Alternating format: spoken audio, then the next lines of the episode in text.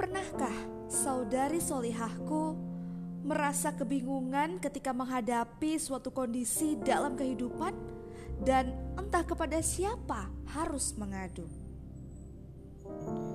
Pernahkah saudari muslimahku merasa seolah dunia menghimpit sempit dan gelap di sekitar ketika tidak ada satu kawan pun datang membawa cahaya?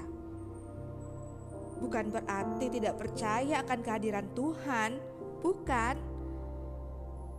Padahal segala macam ibadah telah dilakukan, mulai dari yang wajib sampai dengan yang sunnah, bahkan telah ditingkatkan intensitasnya. Dan Allah Subhanahu wa Ta'ala telah memberikan jalan solusi melalui apa pun dan siapa pun. Salah satunya adalah melalui kehadiran seorang muslimah life coach yang datang membawa obor penerang untuk menemani perjalanan di lorong gelap tadi.